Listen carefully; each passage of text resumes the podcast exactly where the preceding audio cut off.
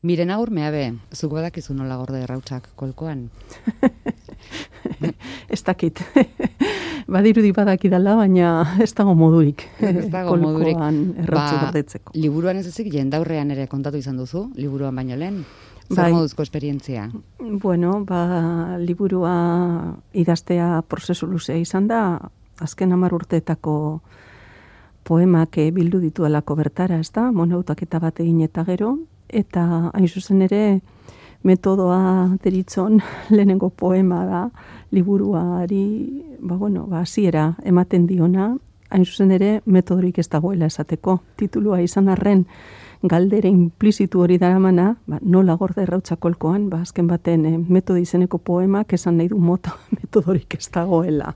Metodo aipatu duzun honetan, metodo eza biltzen duen horretan, bueno, horrek jaia liburuaren laburpena egiten du hasieran. Ba bai, neurri batean bai, e, da gainera liburua idatzi osteko e, poema da. E, bertan, ba, salmodia baten moduan errepikatzen da galdera, ez da, nola gorde errautza kolkoan, asala maskilduari nola gorde errautza kolkoan, begietan askurari sentitu gabe eta barreta bar, eta hor, ba, zeiko egitura batean, edo zei apaldi handiko egitura, horretan ba, aurreratu egiten dira ondoren liburu amamitzen duten sei atalen oi hartzunak. Bai? Eta aldi berean ba, labur bilpena da. Galdera gehiago ere badatu zuertan poesiaren zertarakoaz diartut galdezka. Zilegi ba. alda gure ego kulturalen larentzat idaztea. Bai, ba, hori da, hain zuzen ere, gero liburuaren zeigarren atalean, e, margareta dutekin, neure lekitioko baratzean antzestutako solasean egiten duen galdera bera, ez da? Ba, badaukagu, sortzaile badaukagu, alako patologia moduko bat, ba, idaztera bultatzen gaituena, baditugu gure esloganak, baditugu gure ritualak, baina zalantza beti daukagu hor, zertaz idatzi, norberen mina, semunduaren minez, em, orduan, ba, bueno, ba, horixe, eh, gogo eta hori ere nik uste dute biltzen dala nahiko nabarmen liburuan. Ez kuriosidade bat, berdin hitz egiten diozu irakurleari edo edo entzuleari aurrez aurrekoak eta eta errezitaldiak egiten dituzunean? Berdin irakurri? Berdin eh, hitz egite diozun zure, mea behi idazlearen ahotsa berbera ote den bozgoraz edo paperean? Nik uste dute baietz. nik uste dute beti danik e, deure buruarekiko komunikazioa da lehen premisa idaztera jartzen naizenean. Eta idaztera jartzen naizenean e, ba ez dakit nola esan, e, badirudi beste alde batera edo pasatzen naizela idazkuntzaren bitartez, baina beste alde horretan e, dagoen irakurlea edo entzulea ni da neurri berean, ez da? Orduan ba, nik esango nuke era berean jarduten dudala. Ahoz, naiz idatziz. Igual idatziz dotoreago, hastia daukasulako, gauzako beto hausnartzeko, paperak bestelako erritmoa esartzen dizulako. Baina bestela, mesuaren aldetik nik uste dute koherentzia berberarekin jarduten dudala. Edo nahiko nuke behintzat zintzotasun berarekin. Miren agurmea beharratzean, nola gorde errautzakolkoan poema liburuaz.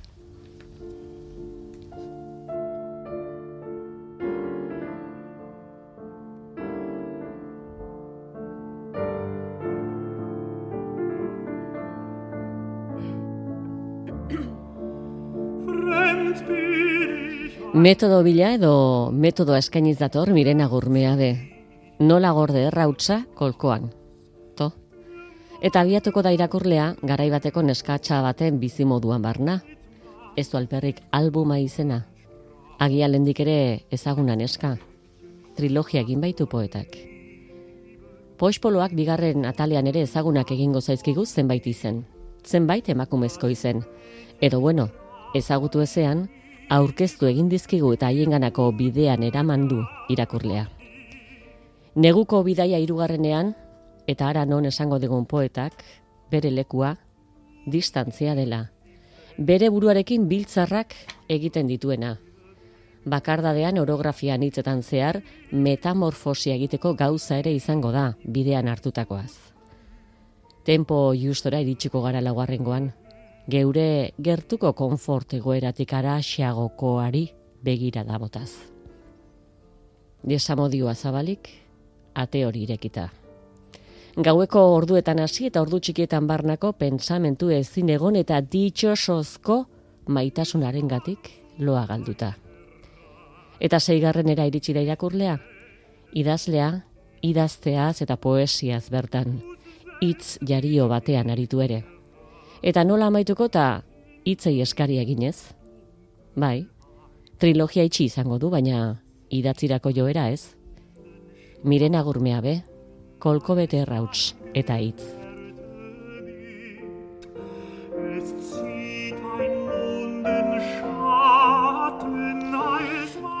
Trilogiaren azeuka ibatu zenuen, baina, baina ez hiru liburu bat birutak itxo, zuk flandesko pinturatan tolesten den kuadro horietakorekin konparatu duzu?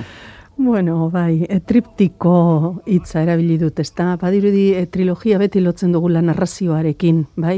Orduan ba bueno, ni nahiago izan dute triptiko, e, ba, etimologikoki triptikoak esan nahi duelako ba hirutan tolestua, ez? Orduan ba bueno, ba badirudi ba bueno, ba, Flandestar e, pinturan be bai, ba hiru panel horiek agertzen zaizkigularik bizagren bidez lotutako horiek, ba batzuetan topatzen ditugula ba, episodio beraren garapenak eta beste batzuetan aldi berean gertatzen diren e, episodio diferenteak, ezta? Orduan, e, e, liburu honetan, poema liburu honen eta nire aurreko bi liburen artean, hau da, 2000 eta amar, e, amabian, amairuan ataratako kristalesko begi bat eta 2000 eta emeretzian ataratako ezurren erretura liburuen artean badaude edukiaren aldeko loturak, badaude binkulazioak. Baina emateko modua diferentea da. Liburu bata novela zelako, bestea narrazio sorta eta hau poema, ez? Orduan, triptikoaren idea zentzu horretan ikusten dut. Panel bakoitza edo liburu bakoitza bere gaina da, baina beste bien konpainian osatua. Hm? Errautzak zabaltzen hasiko gara.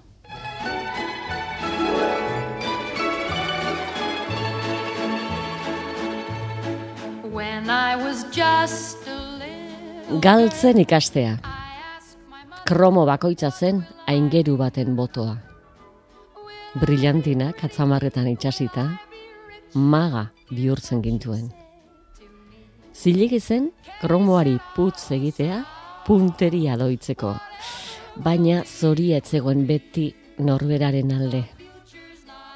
Agurra onartzea bere kromoen kaxan galdutako neskatxak tinta txinatarrez diardu bihotza pintatzen. When I grew up and fell in love, I asked my sweetheart what Iraganean, neskatxa bat, bizipenak. Ba bai, alanda, parkatu, lehenengo atalaren izena album bat da, ez da? Hain zuzen ere, ba, albumen eh, e, funtzioa izaten dalako ba, oroimenaren pieza solteak batzea. Hm? Argazki solteak batu, baina azken batean organismo biografiko bakarra e, osatzen dugun moduan, ez? Orduan, ba, parte hori, e, memoriaren partea da, etorregatik e, aukeratu nuen hasiera emateko e, odaliz leiba rosabal poetaku batarraren aipua hausedinoena. Ni izataren memorian diardut bai?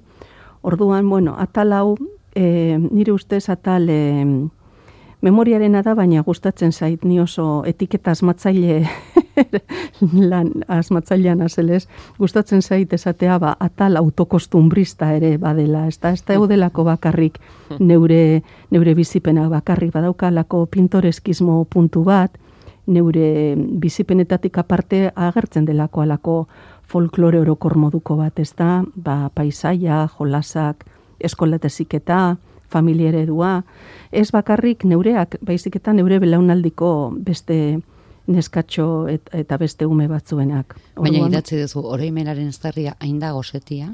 Hori da. Edo eta oroimena zineo batekin pareka daiteke? Bai, ba, e, memoria ezin delako izostuta gorde, ez da, izotz bloke baten moduan. Orduan hau, Mm, alegina eginda berreskuratzen duguna beti dira pieza solteak eta fragmentazioaren ideia hori badalenagotik ere nire testuetan agertzen den ardura bat, bai? bai bizitzaren fragmentazioa, bai memoriaren fragmentazioa eta bai hartanen fragmentazioa bera, ez? Orduan, ba, bueno, e, erreskatatzen duguna, gure memoriaren artxiboak e, arakatuz erreskatatzen duguna, ba, e, e, idatziz jasotzea bada ba, denporaren igarotzeari frenoa edo galga jartzeko modu bat, ez? Orduan, ba, e, honekin ebukatzen dut, ba, kristalesko begi batean hasitako ba, horimenaren bilaketa hori. Oraingoz. Bai, bertan dator. Oraingoz. Oraingoz, bai, orain ja, e, introspekzio bide hau e, e, pizka bate, bueno, eten nahiko nuke, eta ez beti neure barrenari atzaparka ibili, ba, e, oroitzapenak eta emozioak eta gogoetak eta sentierak e, izlatzeko, ez da? Eta zer dara bilzu buruan? Ba, bueno, ba, aurten... Badakit, mundua bisitatzera joan momentu honetan. Ba, bai, mundua bisitatzera joan da, bueno, aurten 2008 bata e, batez ere aurreta gazte literaturari eskaini nahi diot, badaukat horri deiaren bat oraindik. Hasi bai, baina mamitu gabekoa, eta bueno, goa daukat, ba, etorriko zait ondo pizkate, ba, bueno, ba, bai. Atzo bertan alako... aparitu genituen zure katxasaleko biale, eta hane pikazarekin egina daukazun Ai, nola da, begiak zeru mugan, hori da. Bai, bueno, ba, ba, oi, katxa guztiz motibagarria, hori da nire betzelerra, eh? Asko gustatzen zaie, umei, e, bueno, gure azuek eta esaten diate, jo, gure umeak ez zuen lehenago irakurtzen dut, egin buruzak izki katxaren ez dakizertu, eta hartzen dut, pos, izugarria. Orduan, alako paradisu, alako hauasi txikitxoak e, egin nahi ditut, eta parte, itzulpenen kargu batzuk dauzka, eta adibidez, e, miren amurizaren e, basa, gaztelaniera itzultzen hasitanago eta bestelako proiekturen babe badaukat orduan 2008 batean itzulpenak eta aurreta gazte literaturan nagusiki ibili nahiko nuke. Ondino ez daukat garbi nondike jarraitzuko dudan gero edo ze liburu mota eingo dudan. Bueno, Baina, ni biografikoa behintzat edo autofikziozkoa e, aldi baterako behintzat oporretan utziko dut. Atxe den eman behar diozo. Ala ere eskuarten daukaguna nola gorde errautza kolkoan da, poesia liburu esaten ari gara, baina oso poesia ja, formaldetik, oso, oso testu luzeak dira askotan adibez ama pixelatua, poema luze, luze, luze, luze bat da. Bai, bai, eta gainera e, narrazio tankerakoa, ez da? Aldorretatik ere badaude ba, loturak e, ba, aurreko liburuekin horregatik triptikoaren defentzarena. Bai, ba, liburu honetan nik esango nuke badagoela esperimentazio formalerako pues, hainbat zaiakera, ez da, konparatzen hasi eskero badaude poema klasikoagoak, baina badaude baita ere poema narratiboak, badaude haikuak, badaude tesela gizako poemak, orduan, bueno, kontuan izanik amarkada bateko materiala dela, ba, neure buruari jarri nion erronka hori, ez da, egin aldut poema itxurarik ez daukan poemarik, Adibidez, ikusi dugu eskola eguna hitz lau ez, ipuin labur moduan, ekonomia simbolikoaren adibide bat santeskeko doinuz. Ba, aize. Errimak eginez. aize ondo horre dira. E, ba hori, e, ba hori, e, ariketak, ez da? Ariketak, ba, e, norberaren buruari e, ezigitu behartzaiolako beti koska bat gehiago estutzea. Behin entzun nion Mariasun landari, e, ba, bueno, idazleok, e, e, abiatzen dugun liburu bakoitzean saiatu behar genukeela e, urratz bat aurrera egiten. Ez daukala zertan izan urratz kilometrikoa erraldoiarena, baina bai beti pizka bat urrunagora joan. Eta pizka bat urrunagora joate horrek esan nahi du lauzo artean sartu, laino artean edo zingirak dauden ere muetan. Eta orduan nik izaten du sentipen hori, ez da, bueno ba, poema bat, bai, baina egizu poema bat ezoikoagoa, ipini zeure burua estutasunean, ia lortzen dozun e, formaren eta edukiaren aldeko e, oreka, e, baina ez formula arrakastatzuetara jota edo lehenagotik menderatzen dituzun e, formuletara jota. Eta zei biltzara, frogak eginez, jolasean? Bai, bai, bai, jakina. Edo aseratik eskatzen zizun eduki batek nola aurkeztu ere?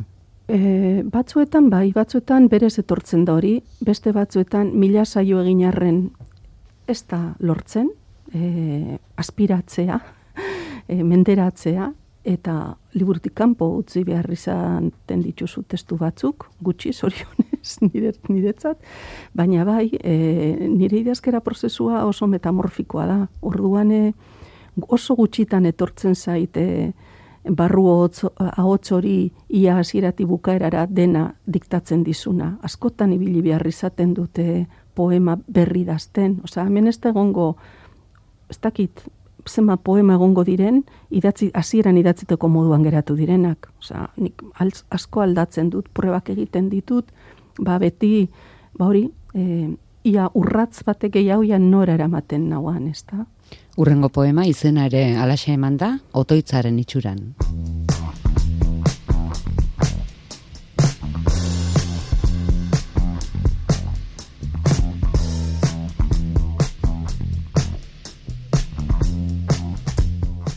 Mary Blair zeruetan zarena, doatxo izan bedi, zure izena. Etorbite zinon ez diren uneak, toki bila baita biltza, alumean. Egin zen zure naia, sikeak grabatzea burdinaren hausikiak zura bezala. Eman zen igun eguneroko ogia, kristalean diamantea ikusi gure begiak. Txuspertu zituen zure sulamak imperfekzio sentiera eta zaputzen zama. Barkatzen dizkizugu albokalteak. Erreinu ambiguo orok ditu mesedeak. Baina orain agur, Meribler gaztea, alea xapenen bandokoa gara hiperrealismoaren debozioan datza gure etika, zartzaroren fisika, kimika eta estetika. Atera gaitzazu gaitz guztietatik, izan naturalak, estralurtarrak, militarrak edo paranormalak. Eta bedeinkatuak, zure koloretako arkatzen fruituak, errauskine, adizia, Peter Pan. Amen.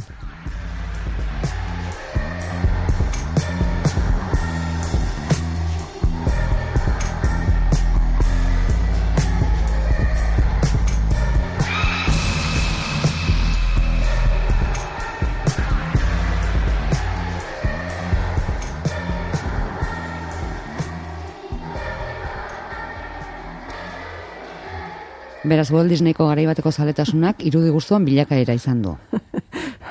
Hori da.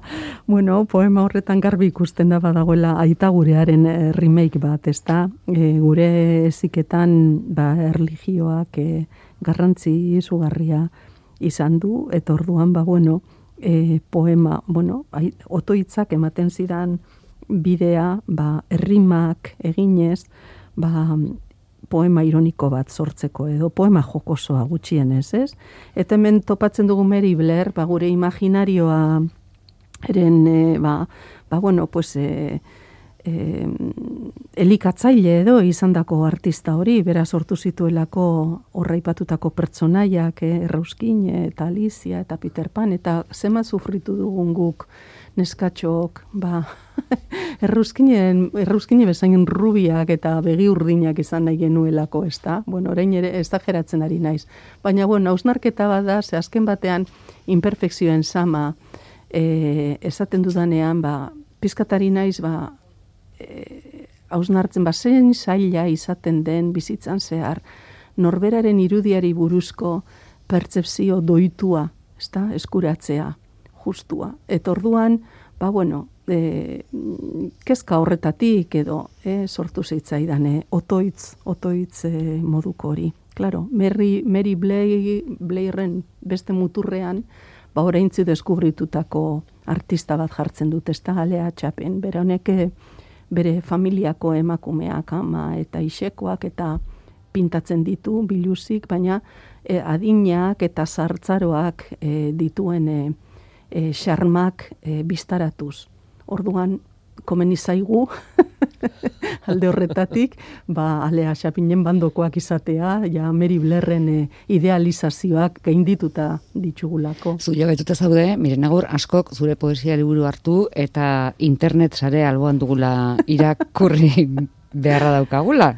Bueno, esan didate, baina begira, e, e, uste dut, e, Asko eskertzen da zubiak irekitzea eta mm. jendearen ezagutza zabaltzea. Badaki lana ematen duela, liburu honek pizka bat exigentea dela alde horretatik, baina e, erreferentzia mordo horretan, ba, baten bati jakimina piztu, eta horretarako balio baldin badio, ba, nor da anamendieta, edo nor zan alea txapin, edo nor, ba, no, pues ate hori zabali dago. Eta aldi berean, e, ni ere, e, referentzia hauetare iritsi naiz, ba, eskolak eman behar izan ditudanean, edo zerbaiten inguruan e, pentsatu behar izan dudanean, ba, alan agertu zaizkidalako bidera, ez nire ikerketetan edo nire irakurketetan. Eta orduan, ba, zatun zergatik ez, konpartitu. Eta aldorretatik, ba, bueno, leio txikiak baldin badira, ba, beste panorama batzuetara iristeko, pues, ni posarren. Mm? Dandanak jakin beharrik ere, ez dago, orduan, ba, bueno, batzu geratuko dira agian artista plastikoekin, beste batzuk idazlen izenekin, beste batzuk... Eta katxaren zure gaurko irakurleak hasiko dira eta gurea zehote zen ikertzen. bai, or, referentzia horiek eh, galdu, galduta, galduta daude. Horentxe bertan egon naiz e, ikastetxe batean, e, gazteek DBH-ko ikasleek e, itxaslabarreko etxe irakurrita zeukaten, eta hori da, nik gaztentzat idatzetako lehenengo liburua, orain hogei urte, o, emeretzi hogei urte, eta klaro, hor badaude, e, simbologia biblikoa ere badago, claro, ni beti esaten du, ni derrigor nabaritu behar zait lekeitioko sakristauaren iloba izela. Baita nabarmendu ere. Egia da, ze batzu, ba, lekitioko umeak, ba, batzu, portuan ibiltzen ziren moduan, etxitxasontzi ziren atalak sekizkiten moduan, ba, nik santu santen e, ezaugarriak eta bizitzak ikasi nituen, ez da? Orduan, ba, bueno, egia da, ba, imaginario hori eta liturgiako ba, bueno, e, iruditeria ba, presente dagoela nire horretan orduan gazte hauek, e, ontxe esaten hasi nahi zena, ez da, ba, uf, ba, gauza batzuk ulertzeko mitoak eta e, galduta, orduan, ba, bai, hori errealitate, bada, denpora kalda, garaia kaldatu indira, eta orduan, ba, bueno, e, horretarako dira, egokiak topaldiak, ez da, ba, liburuko horrietetik kanpora geratzen diren, sormen prozesuan geratzen diren jakingarri guztiak argitu eta konpartitu alizateko, ez? Nasik, katxaren horri ez dietipiniko, katxaren irakurlei ez dietipiniko, hain gauza zailik. Epitafioa, Dorothy Parkerren estilera. Mm.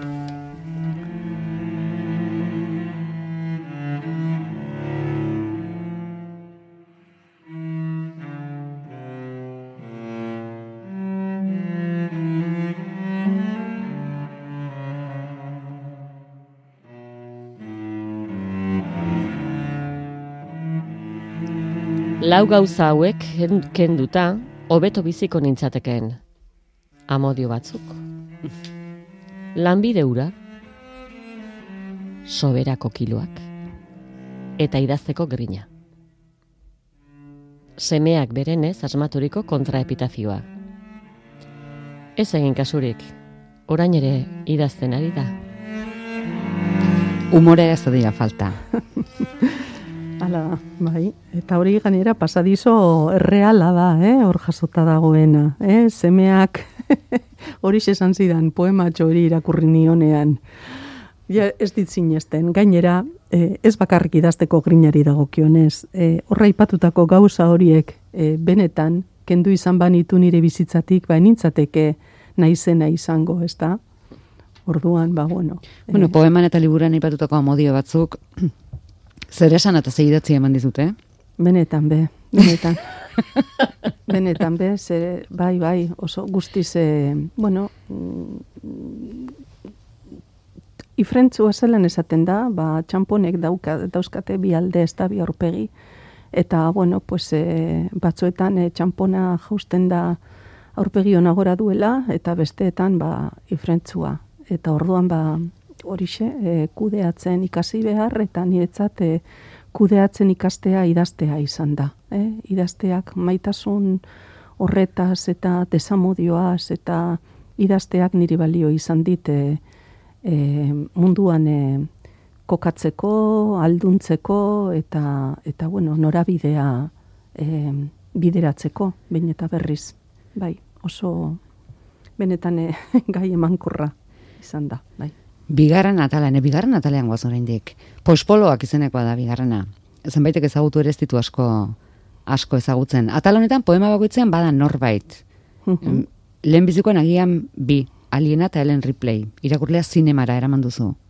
Mhm. Bai, bueno, atal hau, atal mitikoa da, ez da, lehenengo atal autokostumbrista, edo memoriaren atala den moduan, atal hau, atal mitikoa da, hemen emakume erreal eta fikziozkoen katalogo moduko bat topatzen dugu, eta zergatik dira pospoloak, ba, pospoloek argi eta beroa igortzen dutelako, baina atzamarrak ere erreditzaketelako, orduan, e, e, hogeta bigarren mendean hasi, alien filmeko Ellen Ripleyrekin hasi, eta aurri historiaraino noia, ez? Eta e, e, poema honetan mm, a- zehazki aipatasunaren ideia edo mm, aizpatasunaren ideia nabarmendu nahi nuen. Hor badago okupazio emozional bat, askotan amodio romantikoak em, gugan hartzen du e, zilegi ez e, den toki bat, gehiagizko tokia, eta orduan nik uste dut e, emakumeen arteko elkartasunak, eurein sororitatea esaten den hori, baina mila ertz dituena,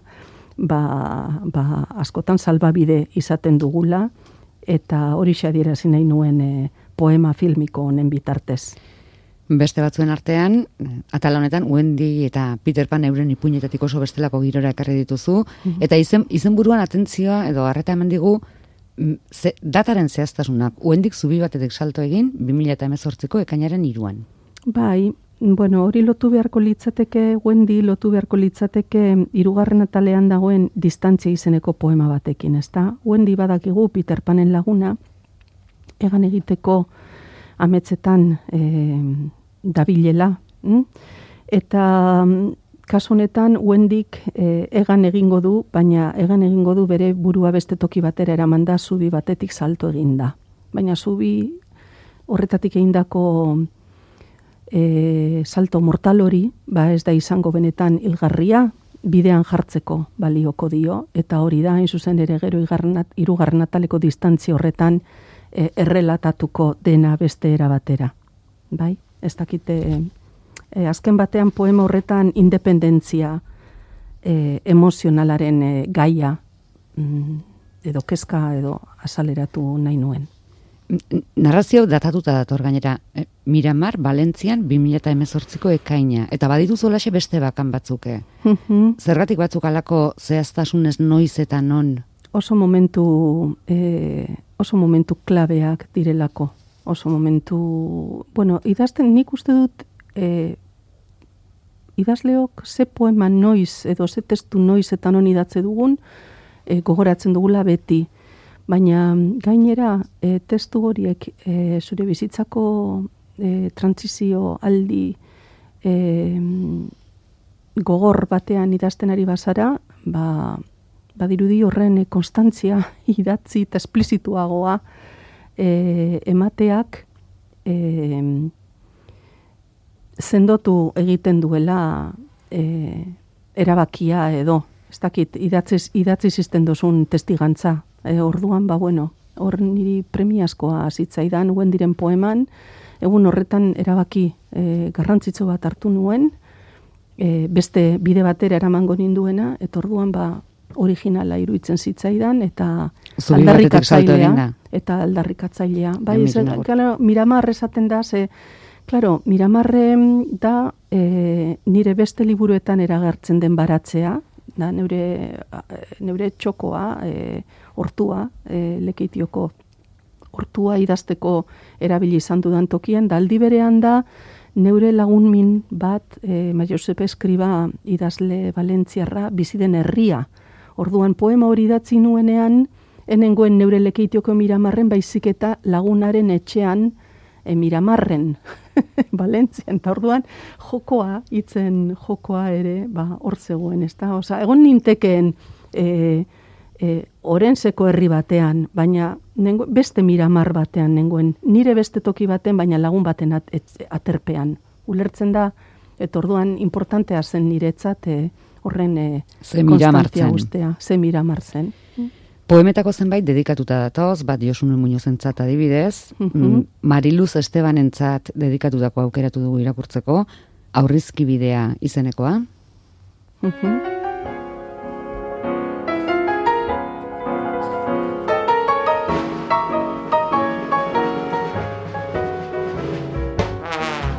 Aurrizkien aroan gaude. Lexemen xirmixar madut akulu erreturan. Ideiak letraz letra eratzean egiten zait meteorito batez erditzear nagoela.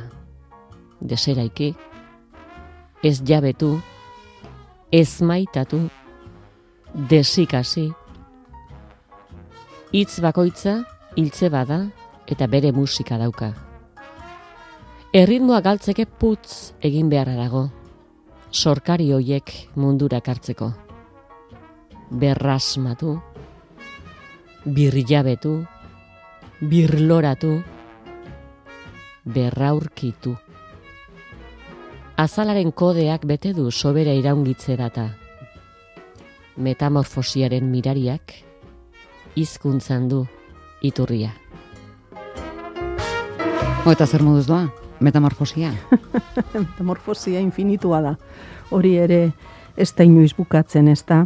Azken batean, atal honetan, e, bueno, pues, metamorfosiaren atala e, bidearen atala da, ez da. Eta batzuk esaten duten moduan, pentsatzeko ariketa praktikatu nahi duenaren zat, bidea da lokus ideala. Eta bidea egitea da pentsamentua e, aldatzea, etorretarako bitresna eh, daude.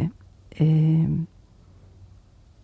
horietako bat hizkuntza horregatik aurrizki bidearena. Mariluz Estebani entzun nion, e, nik berari esaten diot aurrizkien dama dela. berari entzun nion poesia egunetan e, itzaldi oso interesgarri bat desokupazioari buruzkoa. Eta bueno, e, berak esan dakoaren e, lilurapean idatzi nuen e, poema hori. Ah, eta horregatik eh, dedikatu diozu. Eta horregatik, eta horregatik eh, aurreko atalean Josune Muñozi eskenitako beste poema, bai Josune Muñozi eh, bere eskolastikako literatur tailerretan ba, gauza piloa ikasi dio dalako, ez da, mundu zabaleko eh, emakumen literaturaz, eta baita ere emakumen testuak irakurtzerakoan izan behar dugun eh, lupaz, bai? Eta orduan, ba, eskerroneko keinua edo egin nahi nien, batetik, ba, Mariluzi, bestetik Josuneri, semeari ere egiten diot eskerroneko keinua memoriaren atalean nahi zuzen ere daudelako bere arbasoak, besteak beste, eta gero badaude beste eskaintza bi, beste e, estimo hundian ditudan e, bi pertsonari, ezta?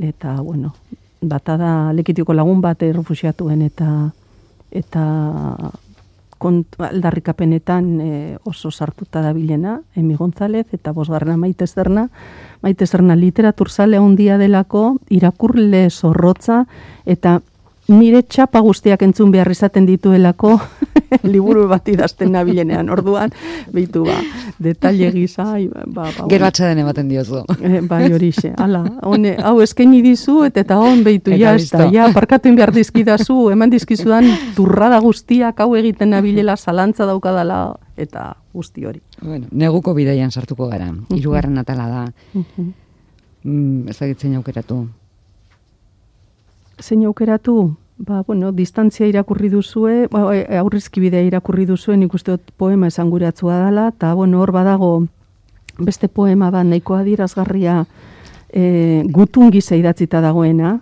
bos gutun erditze minei buruz, eta hain zuzen ere, ba, bueno, metamorfosia ez dator, eh, lehen galdetu didazue, ba, zer, gertatu da metamorfosia, ba, infinitua da, inoiz ez da bukatzen, eta gainera mingarria da, ez da, ba, pentsamentua, e, domestikatu bezatu egin behar dalako geure burua dagokion tokian jartzeko toki zuzenean. Orduan, ba, bueno, nik hori parikatu dut, ba, egoak e, jaiotzearekin, eta egoak ba ez dira arranoarenak, ez da, egoak tximeletarenak dira. Horregati dago, tximeletei eskenitako poema bat entomologia izenekoa. Tximeleta direlako, ba, hori, e, aldaketaren, e, ba, bueno, arketipo oso oso ezaguna, ez da? Ez ditugu denak irakurri. Ez, ez, ez. De, de mulieribus clares. Ah. De mulieribus clares. Zelako. no, no la da. Neuri, neuri, eri, neuri ere barregure ematen di latinajoak eta... De mulieribus. De mulieribus claris, bai, bai. Hori da, bokatxeok idatzi zuen e, e, katalogo bat, e, ba, bere gareirako ezagunak ziren emakumeen batzuen biografiak batuz ezta, eta horren e, imitazioa, pala eta barregarria da nire pospoloak. Osa, konexioa daude atal guztien artean. Ulertzen duzu esan nahi dudana orduan, e, bokatxok, ba, de mulirius claribus e, horretan, ba, e, e, claribus. bai. Claribus. E, claribus. E, jasotzen ditu, ba, hainbeste emakume, ba, garrantzitsuak bai, izan zirenak. Bai, bueno, hori luzetxoa da.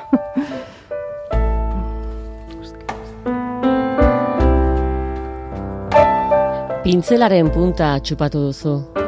Ende zorrozteko, hauntzesnearen tejoa daukazu listuan. Prest pergamua. Oz dago eskripturiumioan leioko ferrarkurik arana ikusten da. Elur gezala mendizerran. Erreka emaritxu dator. Kolore biziak, gorputz meheak, mozara biarrei ikasitako girgil geometrikoak.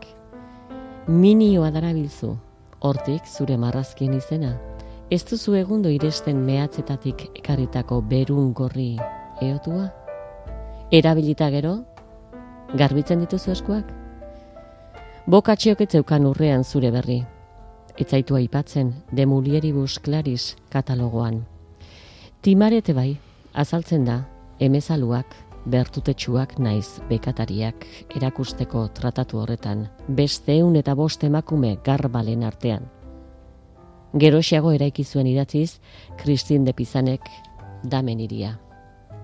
Amelia Magia, Grace Fryer eta besteok, zuok ere pintzelak txupatzen zenituzten. Etzineten artistak, ez da espirituak ere, mundu guztiak neskamamuak deitu arren igandero dantzatokian zuen soinekoei zerien fosforesentziagatik. Zeman nahiatzen zenuten US Radium Corporationek fabrikatutako erlojuak koloreztatzeko. Aldizka, poxi bat hartzen zenuten Espainiak apaintzeko. Kimikariek goiko solairuan txabusina, musuko eta pintzekin ez zuten jarduten. Tumoreak azaldu zitzaizkizuenean, sifilisaren ondorioak zirela iradoki zuen enpresak, plantila osoa zoroipurdiz beterik eduki balute bezala. Zuon hilkutxetan inbertitzeko izan ziren kalte ordainak biografia orok igortzen du izpiren bat. Eta ikusgarria da helburu honetan eh, poeta zenbaten biografiak tentatuta da bilen, az? Kontua galdu dugu, besteen biografiatan barna. Mhm. Hor gustora ibiltzen zara. Bai, da esaldi honek hain zuzen ere lotura dauka lehen aipatu dugun ama pixelatuarekin, ez da? Hau da, biografia orok izan pertsonaia ezagun eta handiena naiz jenderik xearenak danak daukate garrantzia eta literaturaren zereginetako bat da, nire ustez, horiek birbaloratzea hizkuntza e, literarioaren bitartez, ez? Hor etika eta estetika e, etikak eta estetikak bat egiten dute hor nire nire ustez. Orduan, kasu honetan, ba berskuratu nahi nuen enderen e, irudia, nor zen ende. Ba, ende zen e, e, bederatzi, okrespanago bederatzi garren mendeko monja bat, ba, dakigula e, eliz liburuetako eta kodizeetako miniaturak egiten zituena. Bai?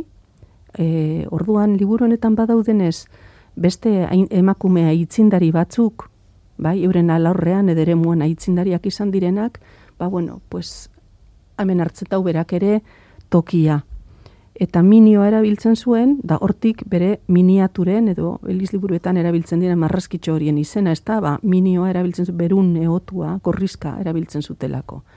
Eta horrekin zenidetasuna e, bilatu dut, ba, kapitalismoaren biktimak izandako e, Amelia eta eta Greisen irudien bitartez horiek ere pintzelak erabiltzen zituztelako e, erlojuak, erlojuetako zenbakia kolorestatzeko. Eurei inorketzien esan e, radioa e, toksikoa zenik, eta lan hil ziren, ba, bueno, ba, enpresaren biktima, ez? Orduan, ba, bueno, bai endek argitu egiten zituen hitzak minioa erabiliz, eta beste emakume langile hauek e, zenbakiak argitzen zituzten radioa erabiliz. Orduan ba mende desberdinetako eta bueno ba amar mendetako tarte egon arren ba antzekotasun batzuk edo badirela edo solaskietasun batzu badirela edo e, islatu nahi nuen poema honen bitartez. Azken baten e, denak direlako emakume argitzuak, ezta? Mm. Batzuk letrak argistatuz, besteak zenbakiak. Urrengo atala, tempo justo, hau italieraz. Justo. Bueno, bai, hori da musikan erabiltzen den erritmo bat, ez da, e, ba, andante kontenuto eta allegro eta diren ah, moduan. Eta tempo ba, justo. Tempo justo hain zuzen ere da, ba, e, geure garaia, garaiari falta zaion ezaugarri bat, ez da, justiziarena. Orduan, esan dezagun, ba, tala udala danetan e, sozialena edo, nola baite esatearren, aurrekoa alegorikoa den moduan, ba, hau da, atal e, sozialagoa hemen ba bueno e, desarrollismoa eta arazo ekologikoak eta mugen itxiera e, gatazka belikoak e, indarkeria matxista eta horrelako gaiak e, azalduko zaizkigu, ezta? Eta gutunak errekuperatu ditugu. Uh Keinuari adi daude lasterka azteko amak pres dauka gordelekua txarakan, sotoan, basoan, leizean, zumeen artean. Akazia baten oinetan jaio berri bat agertu da. Adarrean, ama, urkatuta. Ezin izan du jarraitu sekula kentzen ezten nekea aldean. Norari da deika? Noren ezpaltzarete? Ida, nala, fudo, ine, Fatima.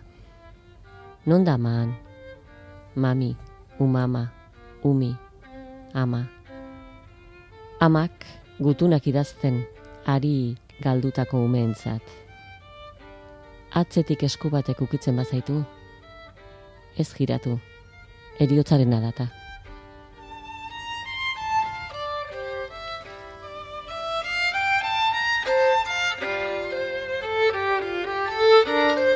Aipatu duzun gaietako bat zuzen biltzen duena, ez? Ruandako genozidioan gabiltza? Bueno, hau orokorragoa dela esango nuke, ze hor izenak ba, ez dira e, bertakoa bakarrik, ez da, pizkate munduko gatazkak orokorrean azaldu nahi nuen, baina bai, goian, aipuan ondo dinozunez eskolastike mukasongaren e, esaldi bat dago, ez da, nik orain dela bi irurte, itzuli nuen e, bere novela bat, emakume oinutza, eta novela horretan eskolastike kontatzen du bera ba, e, Ruandako e, gerran e, errefusiatuen e, errizka batean bizi izan zeneko garaia ez. Eta mm, mezu nagusia liburuan da bere amaren kezka aurrak beti salbu izateko. Eh? Orduan, ba, bueno, e, ideia horren anparoan edo ba, idatzi nuen e, gutunena, ze, zer larriago ez da, e, umeak e, e, gerran galtzea baino. Eta zeharkatuko dugu, Ruandarekin bat eginez berriz, e, ate hori, hau bosgarren atala da, eta justu Ruandako kantazati badator, eta atiko.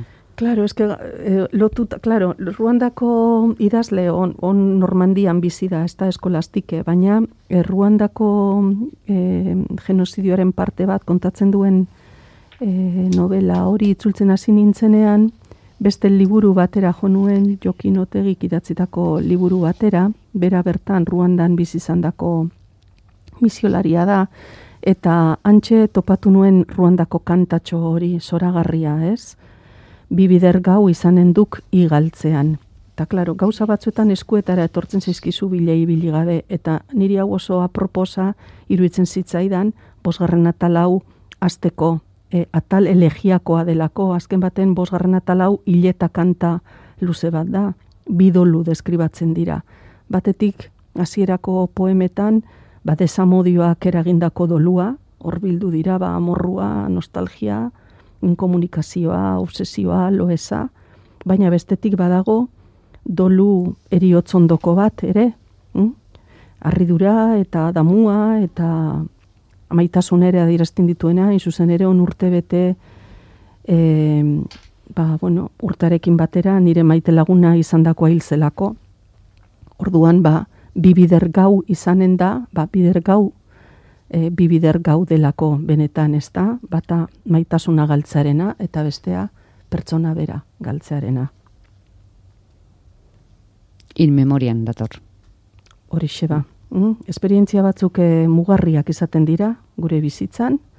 Zan nahi dute lehenago bat eta gero bat markatzen dituztela. Eta orduan ba e, elegia edo hileta kantu honekin ba atea sarratzeko eskea egiten dut eta eta hori ba bueno, gainditzen laguntzeko, ezta? Ze astea ezina da. Baina e, omenaldi honen bitartez ba aurrera egiteko borondatea e, bermatu nahi nuke. Eta sartuko gara azken atalean estigma zorizkoa da aukeratu dugu miren nago rau bat arrazoi praktikoek bultzatuta, liburuko poemarik laburren da. Badakit zein den. Zein da. Izango da, Mari Brakemonen eh, aldarrikapena, ez da? Eslogana. Bai.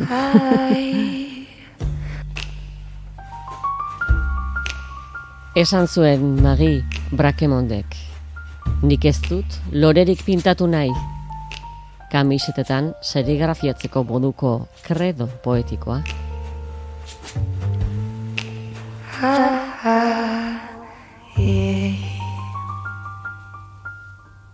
Behar bada nola gorde errautzakolkoan esaldia ere serigrafiatzeko modukoa da? Ba, ez pentsaten. Baina, bueno, eskertzen dizut loria hemen, e, bueno, Maria Brakemonen esaldi hau bai dala ederra, ez da? Eta ez du, horrek ez du, nik ez du loreri pintatu nahi, ez du esan nahi ez dutela loreri pintatu nahi. Baizik, eta ez lorea bakarrik, edo ez loreak inork agintzen didalako lorea pintatu beharra, ez? Hemen Maria Brakemon impresionismoaren... E, e, pintur impresionistaren e, zutabetako bada, ez da? Eta orduan, ba, bueno, berak, hor, ba, matxina da keinu bat izan zuen, ez da? Ba, zergatik emakumean aizelako zergatik marrastu behar ditut beti familia estenak, edo zergatik e, bodegoiak edo lore ontziak, ez? Hori esan nahi zuen berak, azken baten, ba, e, artaren e, askatasuna e, ribindikatzen ari zen. Ez dakigu miren agor amaitu, e, oreka ideal faltsua dela esanez, edo ta zure orekan liburu honek ze esan nahi duen galdetuz?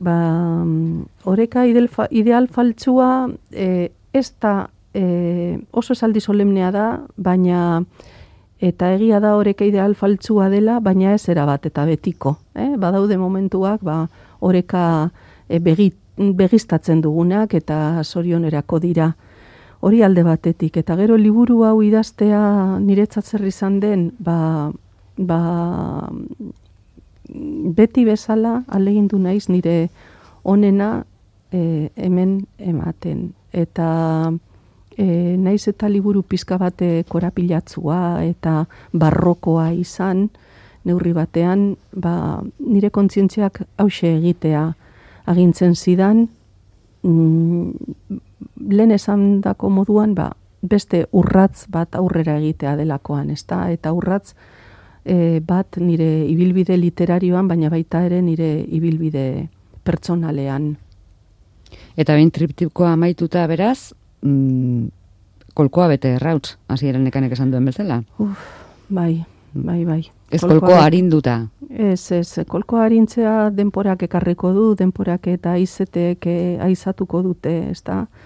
Baina, baina lehen esan dako moduan erredura batzuek edo gertakizun batzuek muin muinean markatzen gaituzte eta bueno, denpora lagun e, e, ba, bueno, ba, ekudeatuko dugu, eh? hori guzti hori. Ala desio dizugu behintzat. Miren agurmea be, eskerrik asko. Ba, eskerrik asko zeuei eta beti arte. Nola gorde errautzakolkoan, meabek sinatu da, Susan topatuko duzue.